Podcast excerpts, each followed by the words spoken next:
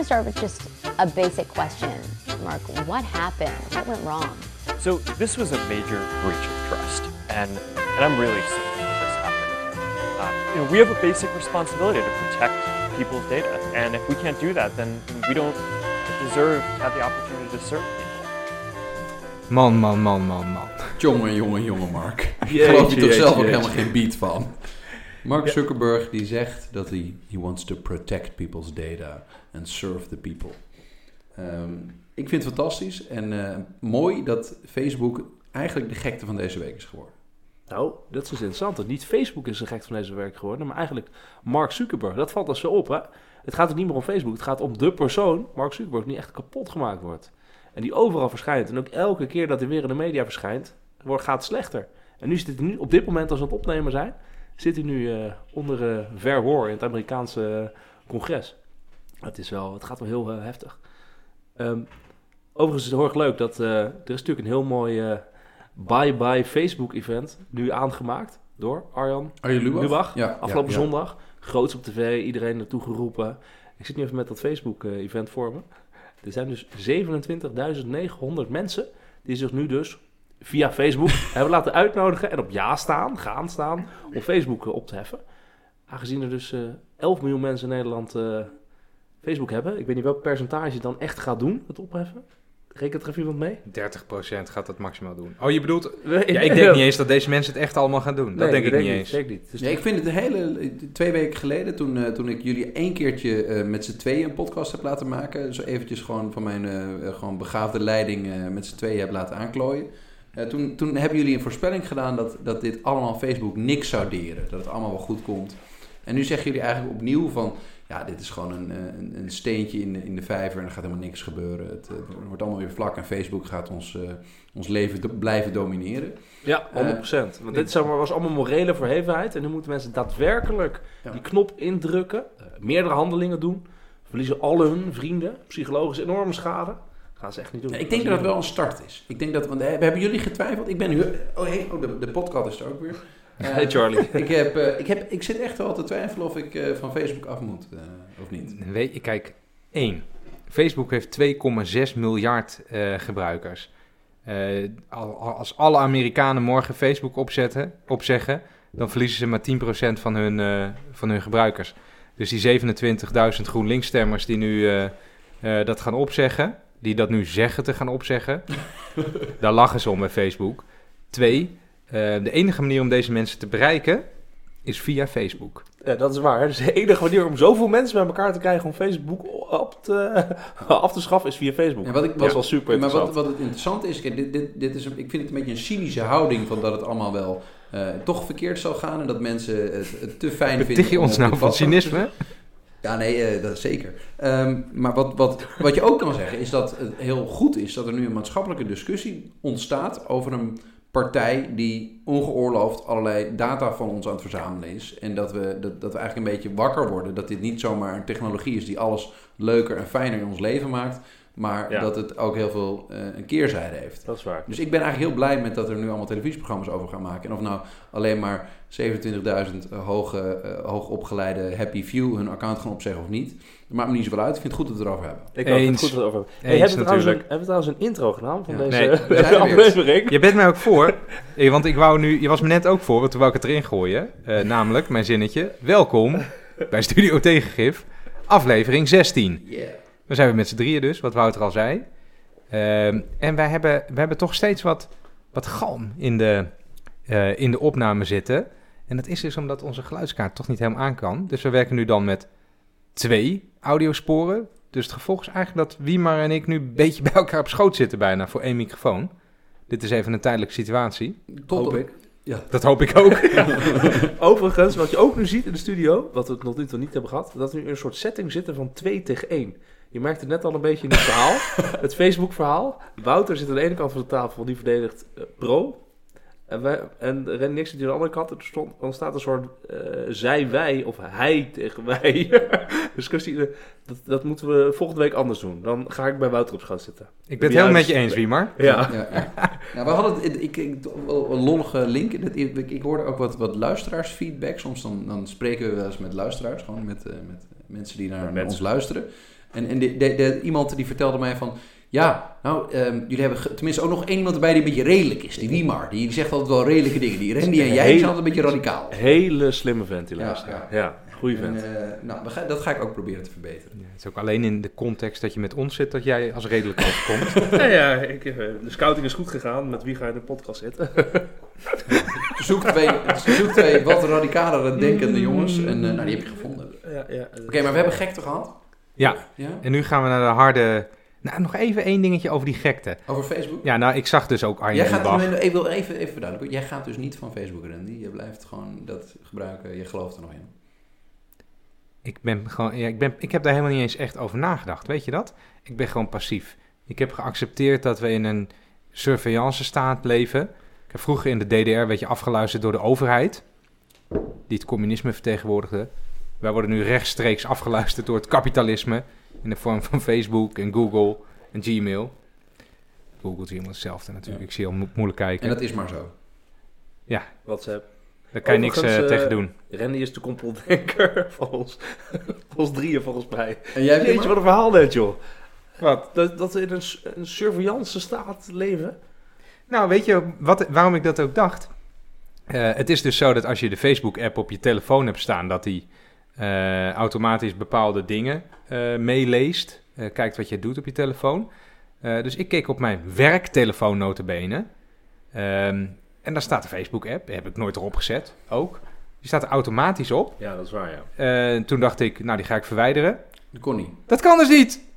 Nou, toen dacht ik, dit is gewoon, dit is surveillance, dacht ik. En wat ik ook gek vind, is dat grote werkgevers accepteren dat dit automatisch op werktelefoons eh, staat.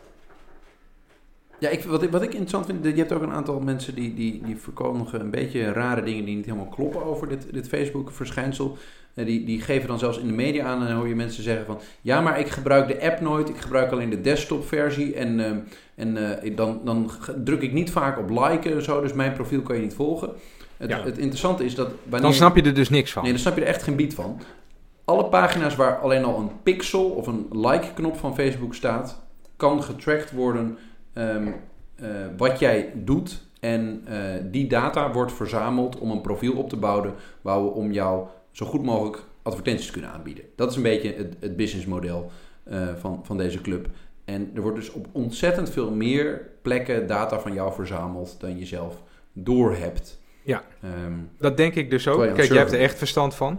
Maar gevoelsmatig denk ik dus ook, je kan niet, eh, je kan niet ontsnappen. Ik ben wel een beetje aan het twijfelen of ik dit, deze boel... Maar ik- je, je hebt dan altijd weer van die, van die stemmetje in je achterhoofd. Ja, maar ik heb ooit in het buitenland gewoond. Allemaal mensen heb ik dan nooit meer contact mee. Maar ja, dat heb ik nu ook niet. Wouter, die mensen, die vrienden van jou in het buitenland, die geven echt geen zier om jou. Oké, gezellig. Oké, Randy. Wat is het eh, daadwerkelijk, eh, het daadwerkelijk over eh, onderwerp van deze podcast eigenlijk? Vraag ik vol interesse en onwetendheid aan Randy. Eh, het is toch goed dat we nu eh, ergens in minuut 15 naar de, naar de echte inhoud gaan. Ja, ehm, ik wil het heel graag hebben over het populisme in Europa. Want eh, wat, mij ook wat mij opviel en een beetje stoorde na de laatste verkiezingen, bijvoorbeeld in Nederland, toen werd de vlag uitgehangen: eh, het populisme is verslagen. We hebben het, hè, we hebben het lek boven. Toen dacht ik al, nou, het lek is er totaal niet boven. En dat zie je nu ook weer met de verkiezing van Viktor Orban in Hongarije. En hij is een beetje het boegbeeld van het, eh, van het Europese populisme. Trump natuurlijk van het, eh, van het Amerikaanse populisme uiteraard. Eh, en mijn stelling is, het populisme is nog lang niet verslagen. Het populisme is springlevend. En dat zie je ook weer, want Orbán heeft, ja, het feit opgezocht, eh Wiemar, geloof ik. Hoeveel eh, ze- bijna, volgens mij had hij 49% van de stem, of nog iets meer, uit mijn hoofd. En ehm, de tweede partij in eh, Hongarije met 20% van stem is trouwens een, een echte extreemrechtse partij. Maar hij is dan, Or- Orbán is dan, valt nog relatief mee, even zo te zeggen. Dat is een nationaal populistische partij.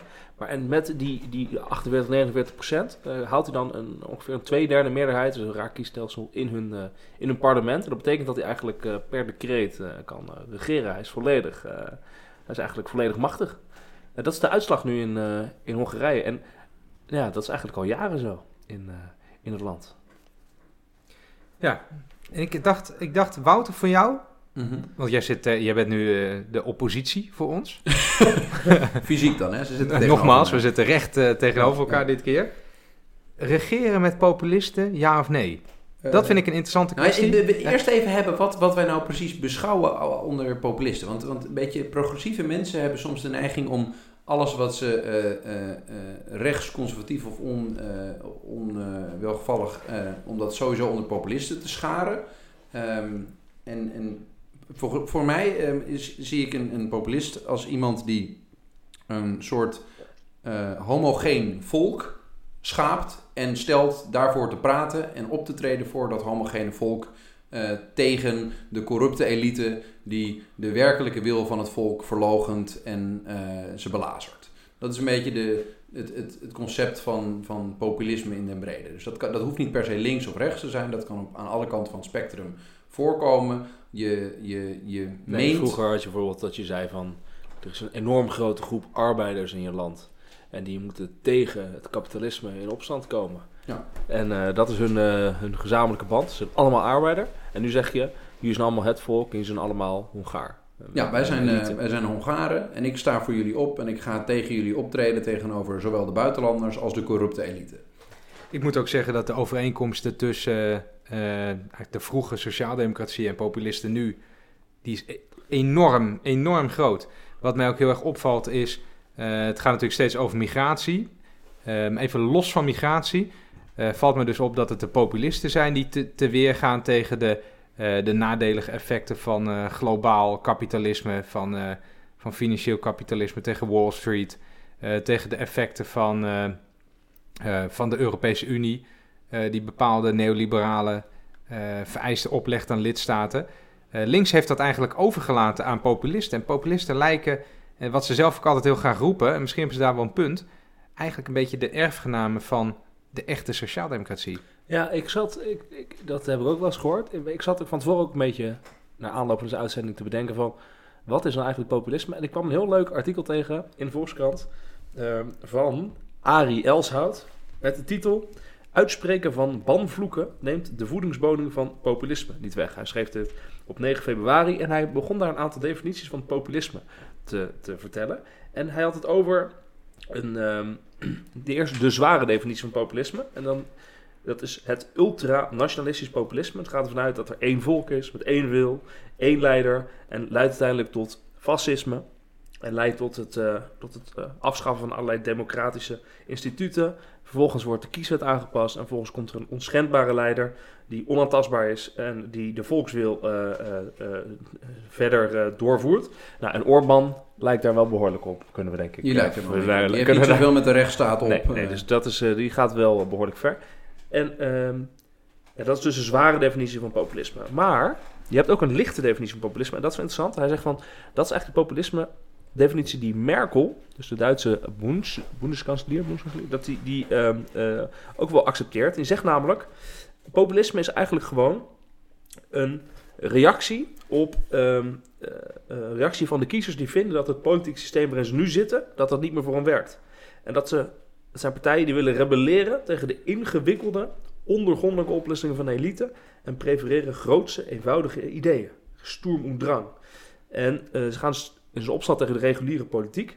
Ehm, en dat is dus de definitie van een historicus, Walter Russell Mead. En die zegt van ja, oké, ehm, in die lichte definitie eh, kan je er wel tegen, makkelijk tegen ingaan als, eh, als bestaande partijen. Want het enige wat je hoeft te doen is met jouw regering zorgen dat die boodschap van het volk wel uiteindelijk via de populistische partijen in de regering terechtkomt, dat je er echt wat mee doet. Want het is eigenlijk een soort van proteststem. En op het moment dat je dat doet, dan eh, vervalt ook het draagvlak voor de populistische partijen. Dat is interessant, want je hebt dus een zware definitie, die leidt dus uiteindelijk tot het fascisme. En dus een lichte definitie, als je daar dus op inspeelt als regering, als klassieke partij, in dit geval dus Merkel, dan kan je er, eh, dan kan je Wat, wat, eigenlijk wat dit denk ik wel goed weergeeft, is dat je ehm, in, in veel. de- als je het hebt over. is het populisme een beetje afgelopen in, eh, in, in Europa. of is het juist aan zijn glorietijden bezig. en is, is de, de, de grote overwinning van Orbán en Fidesz in Hongarije daar nu juist een voorbeeld van. Dan kan je dus of stellen dat eerste populisme, dat, dat, dat harde populisme, dat zware populisme dat je beschrijft. Nou, dat, ehm, daar kan je van denken, nou, dat, dat, dat is alleen maar ehm, in West-Europa redelijk eh, verdwenen. Want de, de, de, Le Pen heeft niet gewonnen in Frankrijk. Wilders heeft, is voor het eerst echt eh, flink aan het instorten in Nederland. Eh, in Engeland zijn ze ook massaal terug aan het komen op de brexit. AFD heeft ook niet de overwinning in Duitsland gewonnen. Dus, dus daar valt het allemaal mee. Je kan ook zeggen dat zachte, lichte populisme... dat is juist meer de norm geworden. Dat is ook de, de, de weldenkende middenpartijen langzaam het verhaal van ehm, eh, wantrouwen ten opzichte van het systeem zijn gaan overnemen en er meer op zoek zijn gegaan naar een groot verhaal. Weet je wel, zoals Macron ook eh, in Frankrijk begon. Ja, dus dat, precies. dat het, het, het idee van de wil van het volk aanspreken, wat misschien in de jaren 90 en, en de eerste tien jaren van de, na 2000, dat het niet oké was om, om je te beroepen op de wil van een, van een groter volk, dat dat langzaam weer oké is geworden om te zeggen: ik heb een groot verhaal. Maar dat komt omdat er dan gerealiseerd is bij de politieke partijen dat bij de gevestigde partijen dat er echt daadwerkelijk negatieve gevolgen zijn. Van bijvoorbeeld de Europese Unie. Dus hè, vrij verkeer van eh, arbeid, dat heeft toch wel gevolgen voor mensen. Eh, migratie heeft gevolgen voor mensen. Ehm, concurrentie, eh, buitenlandse concurrentie heeft natuurlijk gewoon gevolgen voor mensen. Baanonzekerheid, lagere lonen. En dat roept dan, ja, het volk is een beetje heftig, maar dat roept dan een grote groep mensen, een grote groep kiezers in het land al een tijdje. En vervolgens, populisme reageert erop, de gevestigde partijen niet. En pas later, nu dus, realiseren ze, oh ja, we moeten er toch echt wat mee. Ja, mag ik eens een ander zienspunt inbrengen? Het is pop- dit is, dit is Ja. eh, populisme als reactie op ontevredenheid. Mensen Ja. zijn ontevreden over hoe dingen gaan, migratie, bla bla. Eh, dus eh, stemmen ze op populistische partijen. Ik krijg de laatste tijd al lezende het idee... misschien is populisme wel een reactie op iets anders... namelijk op technocratie. Eh, wat zie je steeds meer? En ik heb dan vooral de eurocrisis in gedachten. Eh, de, de reactie op de eurocrisis van het Europese establishment... eh, was technocratisch in feite. Het Europese stabiliteitsmechanisme, eh, de six-pack, De de, six-pack, eight-pack. Niemand weet wat... Ik weet niet wat Niemand snapt het echt. eight-pack is. Hè? Er zijn Wie, maar en hele ik, slimme mensen in Frankfurt die begrijpen wat dit is. wie maar en ik zijn hardcore economen. Nou, Nou, nou, ik niet. Jij misschien? wij weten allebei niet wat eh, de eight-pack is. Nee, Ik heb geen googlen, idee. hoor. Mijn punt daarmee is, ehm, laat ik het anders zeggen. Orbán, hè, de grote schurk in Hongarije, Mm. toen hij de verkiezingen won een paar jaar geleden, toen haalde hij ook een tweederde meerderheid eh, in het parlement en toen eh, ging hij de grondwet herschrijven. Ehm, en toen, toen schrapte hij bijvoorbeeld bepa- bepaalde bevoegdheden van een constitutioneel hof. Een mediaautoriteit heeft En een mediaautoriteit eh, ook. uitgestuurd. Dat soort dingen.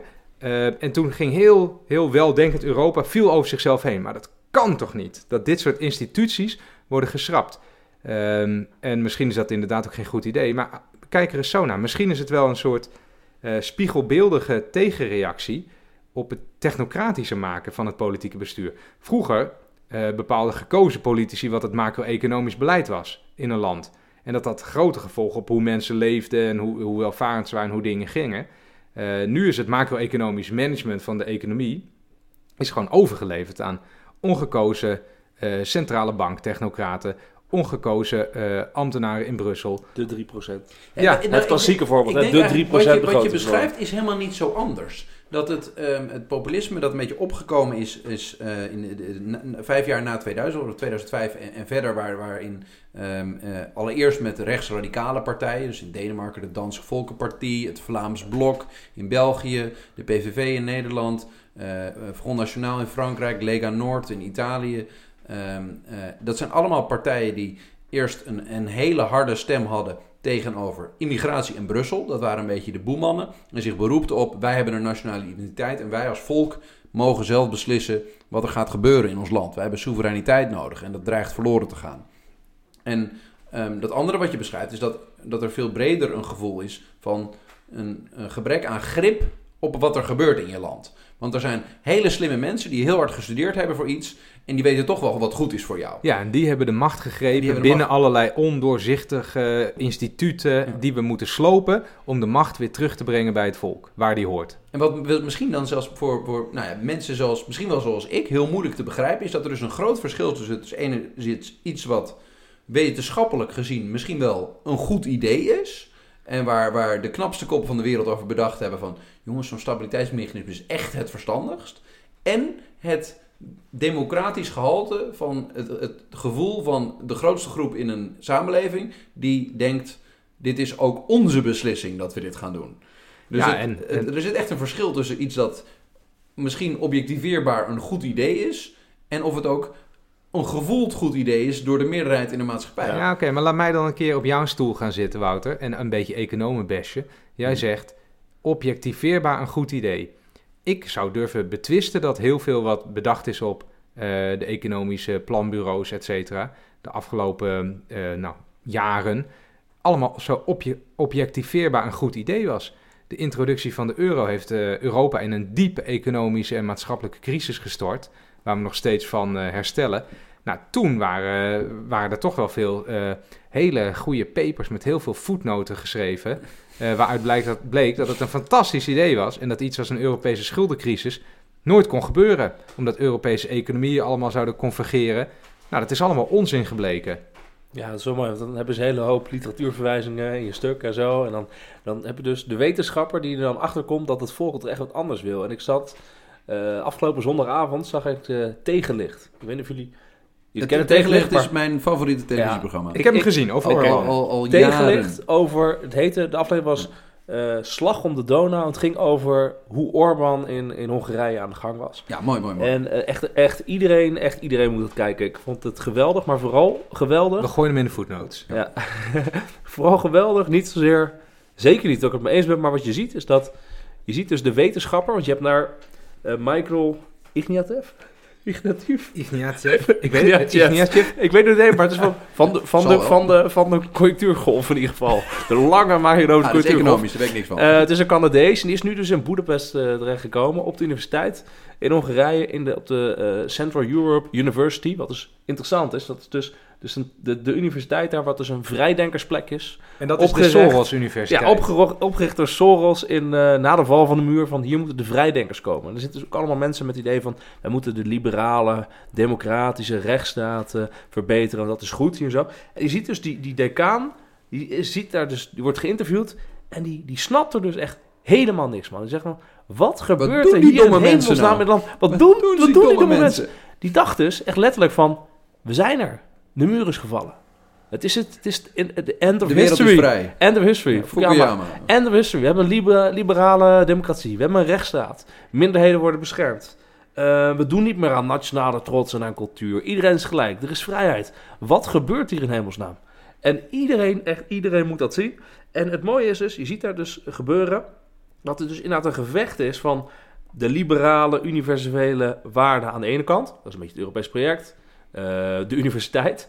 Versus aan de andere kant dus culturele waarden, gemeenschap, waar dus Orban voor staat. En daarom is het ook zo eh, mooi, hè? Het is dus Orban met zijn cultuur en nationaliteit tegen Soros, die zegt globalisering, eh, kennis, vrijheid. Ja. En dat, dat is dus het gevecht. En dat is dus mijn punt. Het is niet alleen migratie waar het populisme tegen ageert, wat heel zichtbaar is en ook in de campagnes. En iedereen benoemt het altijd. Eh, mijn gevoel is dat populisten ook ageren tegen de gevolgen van een neole- neoliberale globale economie. Ehm, die hele grote gevolgen heeft voor Hongarije trouwens. Als je staatjes ziet, eh, Robin Fransman die twitterde daar wat over. Eh, iets wat je wel weet. Namelijk dat jonge mensen eh, massaal wegtrekken uit Hongarije. Ja, het vergrijst echt als een neten daar. Ja, alle, alle talent, eh, alle mensen zijn natuurlijk waardevol, maar het is toch een probleem voor je land wanneer al, al het jonge talent vertrekt. En ook landen als Bulgarije, eh, Roemenië, Griekenland, allerlei landen die niet tot de economische kern van de Europese Unie behoren, die verliezen al hun talent eh, aan hier. En die jongens en meisjes gaan in Amsterdam wonen op 10 vierkante meter en die, die werken daar in de bediening. Terwijl ze eh, eigenlijk een hele belangrijke rol hadden kunnen spelen in de, hoe zeg je dat? De, de opheffing van Bulgarije, van Hongarije, van dat soort landen. Ja, en je hebt echt iets moois. Je zegt nu over de opheffing. En het mooie is dus dat je ziet dus in Griekenland, maar nu ook in Hongarije, dus bijvoorbeeld in deze documentaire is heel duidelijk dat dus Orban gebruikt echt het, die maakt een verhaal van de geschiedenis van Hongarije. Hè? Een verhaal van de geschiedenis van Hij- hij Hongarije. Waarin ze allemaal helden zijn, waarin tradities, waar ze vechten tegen de grote buitenwereld. En dat doen ze nu weer. Er werd gevochten tegen de Sovjet, er werd, het was een vrij gevecht. Nu vechten ze tegen de, tegen de Europese Unie. Maar het gaat om de trots van het Hongaarse volk. Dat is het verhaal. En dus ook van, hij geeft mensen een reden om toch trots te zijn op Hongarije. Terwijl ze eigenlijk zien dat Hongarije Nou ja, zo'n zwak land is. Al een talentvolle mensen vertrekken. Ja. Maar Ja. toch heeft hij een reden om trots te zijn om bij je land te horen. En dat is natuurlijk super interessant. En elke keer gebruikt hij dus dat geschiedenisverhaal. Zegt hij van ja, we, hebben, eh, we zijn tegen Europa. We zijn tegen migratie. We zijn tegen eh, eh, intellectuele minderheden die proberen iets te veranderen. En vooral, hij zegt van het breekmoment, dat zegt een voorlichter van hem, wel interessant verhaal, zegt van het, het breekmoment waarop dit soort verhalen echt vat krijgen, kregen op de Hongaarse bevolking, was eigenlijk vanaf het moment dat dus de economische crisis is geweest, vanaf 2008, nou, vooral van 2010, toen er allerlei Europese eh, maatregelen kwamen, waardoor er gewoon soevereiniteit naar Europa ging. Ehm, Weet en- je hoe die maatregelen ook heten? Als je dan dus niet voldoet aan de normen, dan kom je in de correctieve arm. Nou, sorry, dat zijn termen uit Star Wars, The Empire Strikes Back. En als je dan echt in de problemen bent en je wil een lening hebben, dan komt de trojka op bezoek. Ja, Nou, ja, dat ja. klinkt... Hadden dat komt net net... trojka op zoek. En, het, en dus dat was inderdaad de ene kant het verhaal. Die, al die Europese machtsovername, overigens zonder democratisch besluit, hè? Nul. Dus het, het voelde ook echt van, dat wordt 0,0, ja. afgepakt. En twee, ja, de migrantencrisis. We hebben natuurlijk nog nooit zo'n vluchtelingencrisis gehad als, als een paar jaar terug. Een paar jaar terug. En die kwam natuurlijk vooral, eh die kwam Hongarije, kwam die heel heftig aan. En Orbán heeft het gewoon allebei totaal ge, eh, geëxploiteerd voor zijn eh electoraal succes. Eigenlijk Met, met, met effect. Eigenlijk komen we er dus achter dat in, in al dit soort Europese landen... dat, dat het, het- de perceptie dat een soort van ehm, eh, effectiviteitsstaat... die regeert op basis van... eh, als we het zo efficiënt mogelijk kunnen doen, dan is het allemaal mooi... dat dat niet helemaal het geval is. Omdat mensen uiteindelijk toch niet helemaal met hun mond stemmen... maar grotendeels ook met hun hart stemmen. En Ja, dat maar ook, eh, op zoek zijn naar een verhaal, naar een, een cultuur, een samenleving waar ze onderdeel van uitmaken, van een, een waardegemeenschap eh, waar ze in wonen. En dat dit, helemaal, dat dit niet alleen maar een, een, een aardsconservatief eng verhaal is, maar dat Ja. hele grote groepen mensen ook een soort identiteit verlenen aan eh, het land waar ze in wonen. En de geschiedenis. En de, geschiedenis van, van dat land en, en wat ze oké vinden Ja. binnen een stukje grond. En ze vragen dus, dat ze, ze vragen dus bescherming daarvoor van, hun, van de politiek waar ze op stemmen. Ja. Nee, maar ik- En, ik- en dan, dan, dan hebben ze het gevoel van, oké, de gevestigde elite, de gevestigde partijen, die geven dat niet. En vervolgens stappen ze over naar de populistische partijen. als het maar- heel lang doorgaat, dan krijg je dus Orbán. Ja, ja maar wat, wat, wat mijn twijfel altijd is, dat het gemiddeld gezien de lui die die volksaard menen te vertegenwoordigen en een soort concept van nationale identiteit zijn, dat het op mij overkomt als grotere oplichters Ja, het zijn dan die totale lui mafkezen. heel beschaafd eh, de boel in goede banen willen leiden vanuit een technocratisch besef. Dus daarom heb ik altijd een, een afkeer gehad van de, de, de, de Wildersen, de Le Pens, de, de AFD-mafketels en de Fidesz-lui. Nou, hier wil ik wel wat over zeggen, want dit raakt volgens mij de kern. Ehm, ik vertelde je net dat ik het zie als een... ja, graag gedaan. Dat ik het zie als een strijd tussen populisten en technocraten. Ehm, en dan komt de vraag, waarom zijn populisten altijd zo grof? Eh, dat snij je nu ook aan. Wilders, gestoorde idioot. Ja, het zijn een je beetje bijna. mafklappers altijd. Ja. ze zijn altijd eindeloos grof. Waarom is dat nou? Ik begin te denken ehm, hoe die mensen in die documentaire van Tegenlicht die je net noemde, Ja. er tegenaan kijken is... Ja, er zit een soort leemlaag, bijvoorbeeld in Brussel, van allemaal technocraten waar je gewoon niet meer doorheen komt. Ehm, de enige manier waarop wij daar ooit nog doorheen gaan komen met ons geluid, is als we een soort sterke voorman neerzetten, die eindeloos lomp maar doorbeukt. Keihard doorbeuken. En niemand luisteren, alleen maar doorbeuken. Al die lui in die donkerblauwe pakken het raam uitsmijten. Ja, Trump die is natuurlijk... Die is, Het voorbeeld. stel je voor dat jij zo'n kiezer bent en dat je zegt... ik zoek een sterke man die namens mij al die mensen helemaal gek trolt. Kapot maakt, eruit gooit. Dan is Trump een fantastische president Ja. voor jou. Echt fantastisch. En daarom is zijn approval rating ook zo Ja. hoog. Dit is precies wat ze En nodig al die hebben. mensen zoals, zoals, zoals, zoals de, de hoogopgeleide lui die, die, die snappen hoe een bureaucratie werkt, die gaan dan uitleggen, ja, maar dit klopt niet, hij heeft Nee, ongelijk. precies. En die mensen denken, En ja, het constitutioneel maar- hof zegt dat dit niet mag. Nou, Ja. weg met dat hof. Dit is niet rationeel, heeft het niet goed doordacht. het is het is emotioneel. eigenlijk slecht voor de economie wat u nu voorstelt. Het interessante is dat als je doortrekt naar Nederland, Hm. dat er natuurlijk in Nederland ook wel grote jongens en meisjes in de politiek hebben zitten, die ook hele grove woorden gebruiken om eh, eh, eh, wat we dan noemen populistisch, maar om dus eh, steun te krijgen. Wat- Mark wat Rutte, bedoel je? Wat bedoel je? pleur op. Mark Rutte, pleur op. Dat is gewoon eigenlijk een populistische, heftige uitspraak die je niet moet doen. Of nee, tenminste, die niet van je verwacht op het moment dat je premier bent. In nette kringen mag In je nette dat kring maar niet doen. Maar als je het gewoon roept, dit is dwars door die leemlaag. wat jij noemt. Hetzelfde als Abu Talib, die ook zegt, anders rot je maar op. Ja, het zijn twee hele populaire figuren in Nederland... die totaal ongebruikelijk elitair taalgebruik, zeg maar, eh, bezigen. En misschien nog het aller, eh, nog even door, van... Jij zei net over, ja, hoe moet ik kijken naar die eh, populistische gekkies... met een gestoorde taalgebruik die uiteindelijk doorlopen... Die- die zijn naar een begonnen, fascistische staat, hè? Ehm, en dit is dus precies waar ik aan het begin van het verhaal over begon. Van, dit is, jij kijkt er dus nu naar als die zware definitie van populisme. Als je populistische partijen zie je altijd als doorlopen naar fascisme. Je hebt dus ook die zwakke definitie van populisme. Waar Merkel dus blijkbaar gelooft. Die zegt van, wij moeten gewoon als gevestigde partijen die zorgen echt serieus nemen. We Was naar dat luisteren. Buma in Nederland die zei dat eh, het- hij op zoek was naar het goede populisme. Ja, juist. Dus je moet, dat is dus... Nou, de VVD, altijd, de VVD eh. heeft het enigszins door, CDA heeft het ook enigszins door. Eh, ja, we moeten ermee aan de slag. eh, want op het moment dat we het oplossen en we luisteren, ja, dan heeft het populisme geen grond meer.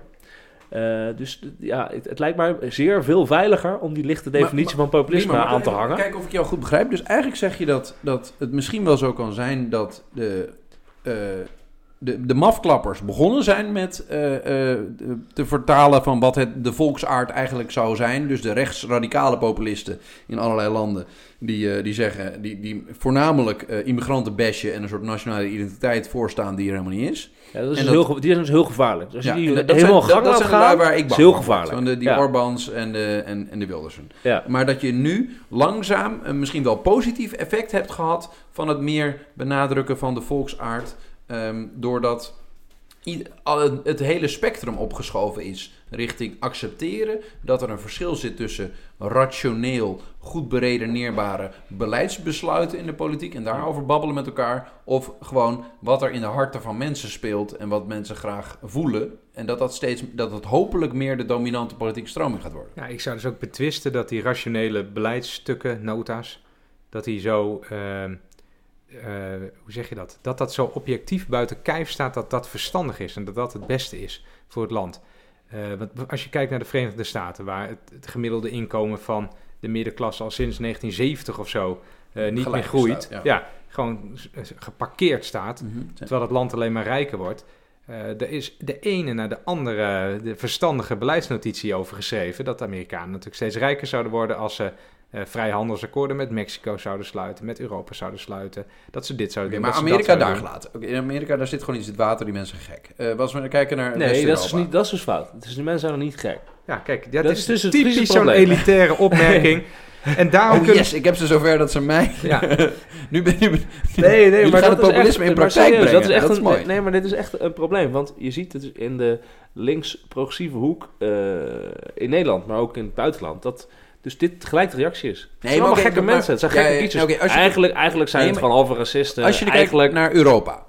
Ehm, eh, in Amerika is nog een radicaal eh, eh, situatie, omdat je daadwerkelijk een, een extreme vorm van ongelijkheid op economisch niveau hebt daar. Die echt wel voor extremere sentimenten zorgt dan Ja. Nou, laat me een voorbeeld van hetzelfde, Europa. hetzelfde voorbeeld vertalen naar Europa.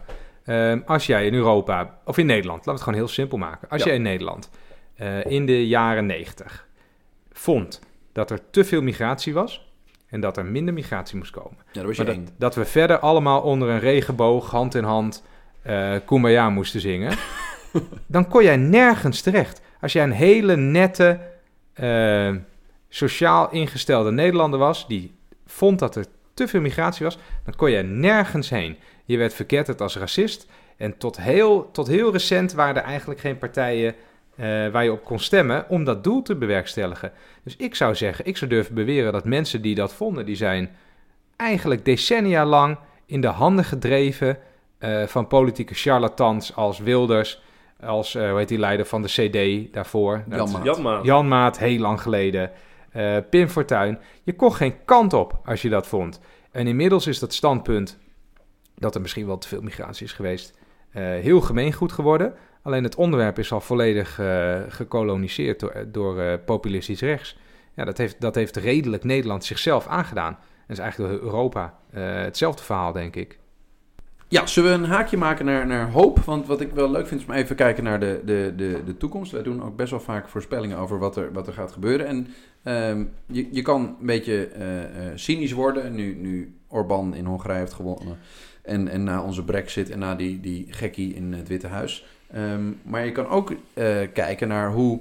ehm, dus het, het verwoorden van, van wat het grootste gedeelte van het volk wil, de, de volkswil, en, en misschien wel een, eh, een migratie als een groot probleem durven te agenderen, dat het ook bij de progressieve linkse partijen nu langzaam normaal begint te worden. Ik was best wel ehm, geïnteresseerd in, er was een artikel dat onlangs op NOS stond, dat in Denemarken nu de, de sociaaldemocraten een nieuwe koers gaan varen. En er was ook heel veel ophef over onder sociaaldemocraten in heel Europa. Die durven te gaan stellen dat ehm, het misschien wel heel ehm, sociaal-democratisch is om de negatieve aspecten die bij migratie komen kijken ook te durven benadrukken. Van jongens, Ja, als want- wij een sociale welvaartsstaat hebben waar we solidair met elkaar zijn, dan zitten er grenzen aan wat we op kunnen nemen aan mensen vanuit andere landen. Ja, want ze zeiden dingen als... eh, vluchtelingen kunnen zich niet melden aan de grens van Denemarken... maar moeten zich melden in eh, vluchtelingenkampen in de regio... en dan zullen ze daar geselecteerd worden of ze in aanmerking komen. Ze zeiden ook dingen als... we gaan eh, eh, mensen met een mig- eh, nieuwe migranten gaan we ook spreiden over het land... en over Ja. de wijken, zodat ze zich niet ophopen. 30. Eh, Ja, ik heb het, toevallig heb ik zitten nalezen. Ik kan gewoon het helemaal oplezen. Oh, ja, ja, doen? doe dat eens even. Ja. heb je, ik zat heb hier- je weer ik een stapel papier voor je liggen, Nee, ik, zat, ja, nee, ik zat gisteravond, heb ik het even gekeken, want het was niet alleen op de NOS, er was ook een uitzending op Nieuwsuur. Dus ik heb gewoon Nieuwsuur te kijken en opgeschreven, aangetekend gemaakt wat ze daar nu zeggen. En ze zeggen, de Deense Sociaaldemocraten, willen één samenleving met duidelijke waarden, waarbij de Deense identiteit voorop staat. Dus we moeten een taboe doorbreken, namelijk dat we geen parallele samenleving meer willen met andere normen en andere waarden. Geen eh, utopie dat de volgende generatie van immigranten zomaar helemaal mee gaan doen. Dat zal niet gaan gebeuren. Daarom hebben ze deze maatregelen. Wat je zei. Je moet Nederlands spreken als peuter. Deens. Sorry, Deens. Dat- je kan is niet geen De- Deense identiteit. Geen Deense identiteit, dus al die Nederlands Denen moeten Nederlands leren. Ja, dat is hè, op zelfs een heel goed idee. Op zelfs Nee, een helemaal goed idee. Ja, ga verder. Je moet Deens spreken als, als, als. Anders, en anders krijg je de bijles. Eh, je moet werk hebben eh, voordat je een sociale wo- huurwoning krijgt. Ehm, eh, je moet op, in, de, in scholen wordt varkensvlees geserveerd. Ehm, er zijn dus een limieten aan migratie. Achterstandswijken moet u maximaal 30% mi- eh, migranten. Eh, taal en als je een uitkering wil. En eh moslima's moeten gestimuleerd worden om buiten hun eigen cultuur en godsdienstrelaties aan te gaan. En vervolgens heb je de opvang van de migranten. Dat zijn inderdaad in de regio, in een VN-vluchtelingenkamp. En daarna eh, immigratie, ehm, als dat mogelijk is, dus ruimte voor is in, in, eh, in, in Denemarken. Ehm, en eh, de Deense Sociaaldemocraten zeggen van ja, we moeten dus zorgen, dit dus een, pragmatische oplossing. Waarbij dus wel proberen te zorgen dat iedereen gewoon zijn mensenrechten... Maar moet je even naar de dingen luisteren die je net allemaal opleest. Als, ehm, ik zit er nu zelfs naar te luisteren en denk, ik, ik schrik er niet heel erg van. Maar als ik tien jaar geleden, 2008, als iemand mij dit toen had voorgelezen en had gezegd... dit is het partijprogramma van een partij... dan had ik gedacht, ja, dit zijn ergens rechtsgekkies. Dit zijn, dit zijn mensen die van volledig van het pad zijn... ergens in, eh, eh, van een rechtsradicaal populistische partij in Europa. En wat, wat je nu voorleest ehm, is van de Sociaal-Democratische Partij in Denemarken. Wat ik, wat ik heel interessant vind, is dus de shift die het hele spectrum gemaakt heeft naar een soort conservatieve eh, sociaal-culturele houding die we ah, oké zijn gaan vinden of, Ja. of normaal. En ik, ik zeg niet dat ik het er helemaal mee oneens ben, maar ik zeg wel dat, dat het, het hele spectrum dus schijnbaar eh, ver- ver- eh, veranderd is. Want we staan hier niet meer stijl van achterover. Ja, maar hebben we niet ook misschien in het verleden... ehm, ik voel helemaal wat jij zegt, hè? Mhm. Af en toe dan... dan Als je het in 2000 had geroepen, dan was je, dan was je, de, dan was je Ja. voor gek wij verklaard. roepen ook af en toe dingen in deze podcast... en denk ik, ja, inderdaad... eh, tien jaar geleden of whatever had ik zelf ook gedacht Ja. van... Dus Man, man, man, met wat is onszelf dit, waren eh, Dat denk ik nog steeds af en toe bij jou, Randy, maar dat maakt niet uit. Nee, maar weet je, er zijn best wel... eh, d- dank je trouwens. alsjeblieft, alsjeblieft. er zijn best wel... eh, eh, er zijn best wel bepaalde maatschappelijke taboes. Maar als je dingen even los van wat wij geleerd hebben... wat we wel en niet mogen vinden... ehm, eh, objectief beschouwd. Bijvoorbeeld... eh, zondag was ik een stukje aan het fietsen. Ik ben heel burgerlijk. En dan fietste ik door het Zuiderpark. Was heel druk en heel gezellig. Zuiderpark is in Den Haag. Ja, in Den Haag, eh, een in Den Haag. park hier. Eh, ik woon ook in Den Haag. Ehm, en, je, en, en toen dacht ik, doe een, even een, een sociaal experiment. ik ga niet af op wat mensen, eh, hoe mensen eruit zien of whatever. Of ze of een hoofddoek hebben of ehm, eh, dat soort dingen. Maar ik ga gewoon luisteren welke taal spreken mensen met elkaar. Ehm, nou, het is best wel shocking. Ik hoorde, ik, het was heel druk, dus ik heb heel veel, ik weet niet hoeveel, eh, weet ik veel, 50 Was eh, mooi weer. groepjes mensen. Ja, het was mooi weer ook, werd gebarbecued. 50 groepjes mensen, eh, denk ik, horen, horen spreken. Ehm, nou, ik denk dat als er, als er een paar, vijf of zo, Nederlands met elkaar gesproken hebben. En de rest in eh, andere talen. eh, als er vijf Nederlands hebben gesproken van die groepjes, dan was het, was het veel. Ja, maar denk aan de ik- andere kant, Rennie, mag ik even... Aan de andere kant, stel je nou voor, je bent eh, langs groepjes gereden van waar je nou Turkse mensen, mensen met een Turkse achtergrond bij elkaar stonden. Dat is toch wel, ook wel begrijpelijk dat ze Turks met elkaar praten. Maar we de vraag van, als jij met hen zou praten, zouden ze dan perfect Nederlands met jou kunnen praten? Want Natuurlijk. ik merk, bij ik mezelf, ik merk bij mezelf dus wel eens dat, dat ik dat dus echt heb, eh, vooroordelen. Je hebt straat, gesprekken, ik doe natuurlijk wel eens dingen voor een politieke partij, moet je met mensen praten. Echt, echt wel belangrijk dat je dat ook doet. Wordt ook wel verwacht en zo, dat je met mensen praat. jij kan dat ook. Ja, Ik kan dat bent echt onder de mensen. en dan, dan ga je, dan eh, kan, heb ik dus wel eens dat ik denk van, hé, hey, ik kom nu een oudere vrouw tegen met een Nee, maar hoofddoek. kijk, en ik stop. denk, die kan, die moet geen goed Nederlands Nee, kunnen. Dat is mijn voordeel. Perfect Nederlands. Stop, dat is niet mijn punt. perfect. Dat is niet mijn punt. Wat is je punt? Eh, ik zou ook zeggen, heel veel mensen zijn best redelijk geïntegreerd. Mijn punt is dus, ik kan me heel goed voorstellen dat als jij eh, altijd rond het Zuiderpark hebt gewoond eh, en je hebt eh, Nederland zo zien veranderen, dat als je er nu doorheen loopt, dat je eigenlijk haast geen Nederlands meer hoort, dat je zegt, zonder dat je een racist bent of dat je een haatdragende rechtse gek bent, misschien is er wel iets te veel migratie geweest hier in deze wijk. Misschien moeten we dit een beetje spreiden. Misschien hadden we dit een beetje moeten temperen. Dat is het enige wat ik beweer. En ik vind dat een volstrekt, eh, volstrekt legitieme gedachte. Want ik denk het ook als ik daar door het park eh, fiets. Eh, maar ik voel ook wat Wouter zegt. Eigenlijk mag ik dit niet vinden. Eigenlijk moet Ja, ik dit allemaal prima in je, vinden. In je achterhoofd, in je, in je ingeplante morele besef. Ik mag eigenlijk, moet ik mijn waarde van iedereen is gelijk. Iedereen, wij, wij staan hier voor solidariteit met iedereen. En iedere mens op de wereld is gelijk aan elkaar. En Nederland is de open samenleving waar we allemaal van dromen. Ja, het interessante is eh, eens. Ik dat- wil eigenlijk dat ook gevoel zo meteen je. nog even naar dat stukje Dat, van jou. dat Wimmer. gevoel heb je ook, maar ehm, wat ook opmerkelijk is, is dat juist de partijen die heel erg ageren dat de multiculturele samenleving mislukt is en dergelijke. Het zijn dus hier in Nederland bijvoorbeeld VVD, CDA.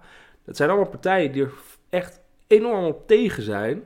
En ook waren, om dus dit zijn mensen ook met een migrantachtergrond te spreiden over wijken. Als je tegen hen zegt, 30% van een wijk moet een migrant zijn. Nou, die worden gek. Die maar hier hebben we het eerder gehad over over, de- over het neerzetten van vluchtelingen Ja. in, in wat rijkere wijken. Nou, de VVD, CDA, D66-stemmers, die Mag ik eh, even Wouters rennen punt... eh, ik zie Wouter al glunderen. Mag ik Wouters punt even maken? ja. VVD en CDA profiteren van de problemen die ze Die ze zelf, zelf hebben gecreëerd gecreëerd. Ja. Die waren in de jaren 80 ervoor om zo dom mogelijke migranten naar Nederland te halen, op de jaren 70. Eh, daar werd je eigenlijk op geselecteerd, als je maar niet een andere We- weet je taal... wie de laatste premier was die voorstelde om een eh, migratiestop in te voeren? Ik, Den Uyl gok. Ja, Den Uyl. Ja. Weet je wie trouwens dat zelf heeft tegengehouden? De Eh, PvdA-fractie. Die was tegen. En toen... Ja, maar je moet dus niet denken dat in de politiek dat, je, dat het niet prima is om radicaal te draaien en vervolgens het probleem dat je zelf gecreëerd hebt als speerpunt te hebben om te gaan oplossen. Dat, dat, dat, mensen hebben wel een, een soort van volksaard, maar ze hebben een heel slecht geheugen. We zijn weer even afgedwaald, maar ik wil Ja, terug ik naar wil- wat jij opwierp. die, die hoop ehm, en van wat, het, wat, wat gaat dat nou dan? Dus eigenlijk is onze bredere stelling, ehm, populisme.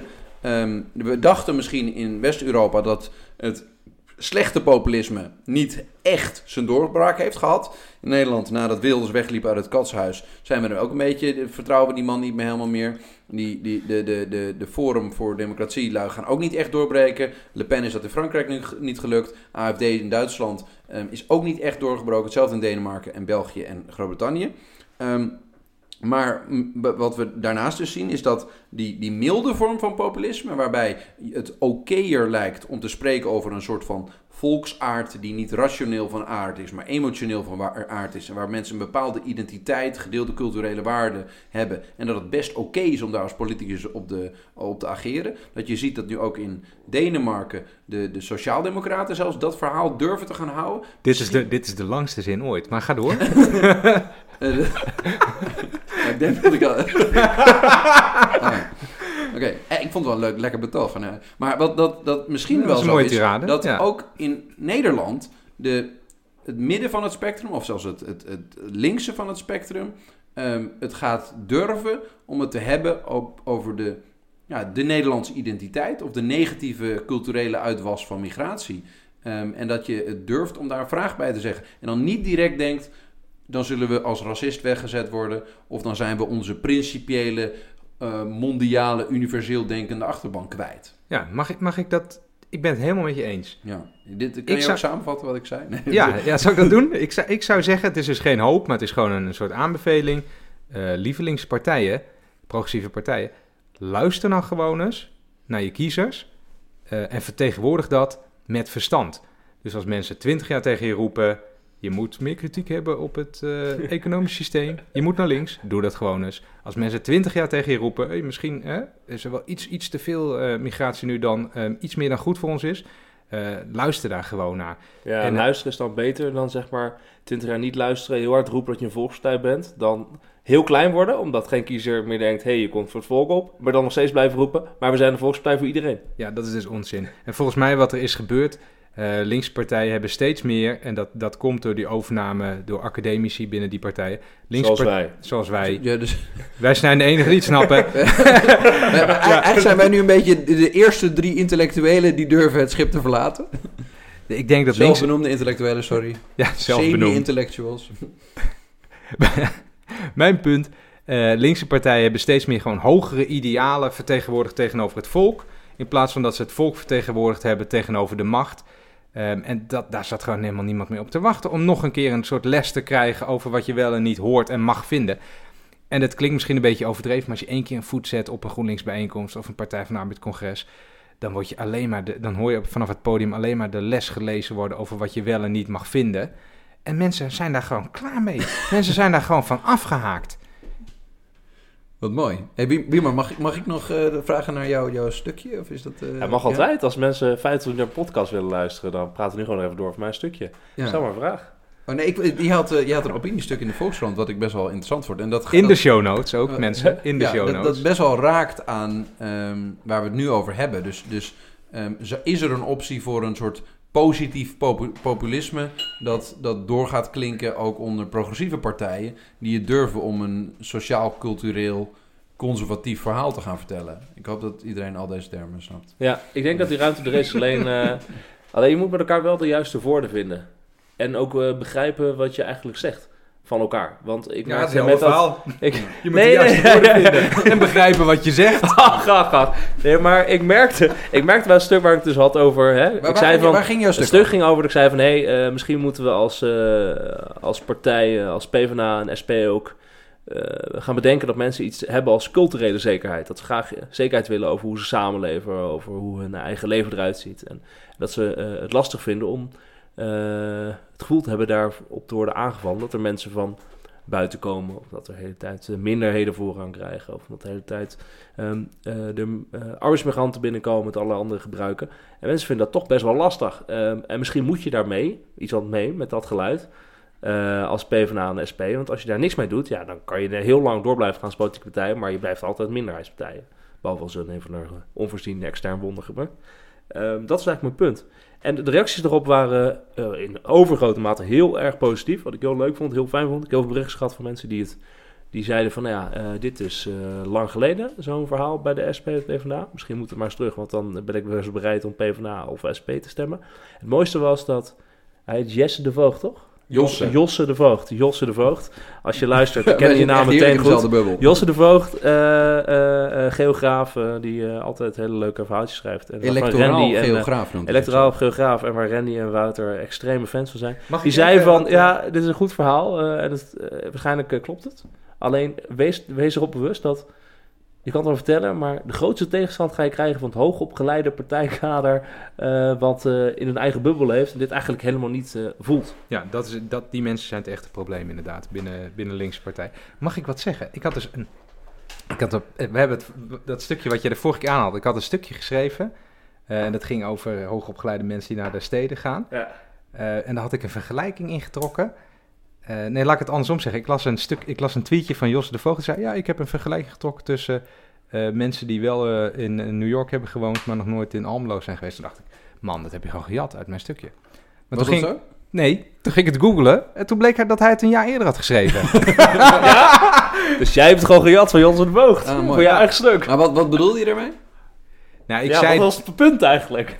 Het punt was, ik zei, de culturele kloof tussen hoogopgeleiden in de grote steden en de rest van Nederland, de meerderheid daarbuiten, is heel groot. En dat wordt alleen maar versterkt doordat heel veel mensen wel een semestertje in New York hebben gestudeerd, maar nog nooit in Almelo zijn geweest. Dus eigenlijk zeg jij dus die, die globaliserende eh, bovenlaag van de bevolking, die heel veel te schaften heeft en allemaal prachtige Erasmus-studies heeft gedaan in allerlei andere steden in Europa, die denkt dat iedereen heel mondiaal is gaan denken, dat we allemaal gelijk zijn geworden, maar die zijn helemaal nog nooit in Almelo geweest. Die, die, die snappen helemaal niks van die volksaard van de meeste En mensen. we zeiden dat de vorige keer, hè? Eh, de grote winnaar van de gemeenteraadsverkiezingen, GroenLinks. In de lokale partij. 7,4% van stemmers, of 7,5%. En de, de totaal kapotgemaakte PvdA heeft 6,5%. Het scheelt 1 procentpunt. Waarom? Dat GroenLinks alleen een paar grote steden groot is. En de rest van Nederland moet er eigenlijk helemaal niks van hebben. Precies, jongens. We zijn een minuut 50 gepasseerd. We hebben het populisme nog niet helemaal eh, onder de knie, maar we zijn wel een eindje verder, denk ik. We waren ook, we waren ook heel gestructureerd. Ja, ja Deze uitzending. Ik vond het wel leuk. Ik hoop wel dat we geen galm hebben. Ja, Ik dat zou mooi zijn. Ja, ja. Ik, heb, ook- ik hoop ook dit keer dat, eh, dat we die, die redelijkheid een beetje hebben kunnen bewaren. Niet altijd veel geschreeuwd, we zijn toch op tafel geslagen. Dat is goed. Ja. Eh, lieve luisteraars, bedankt voor het luisteren. Studio Tegengif. Dankjewel.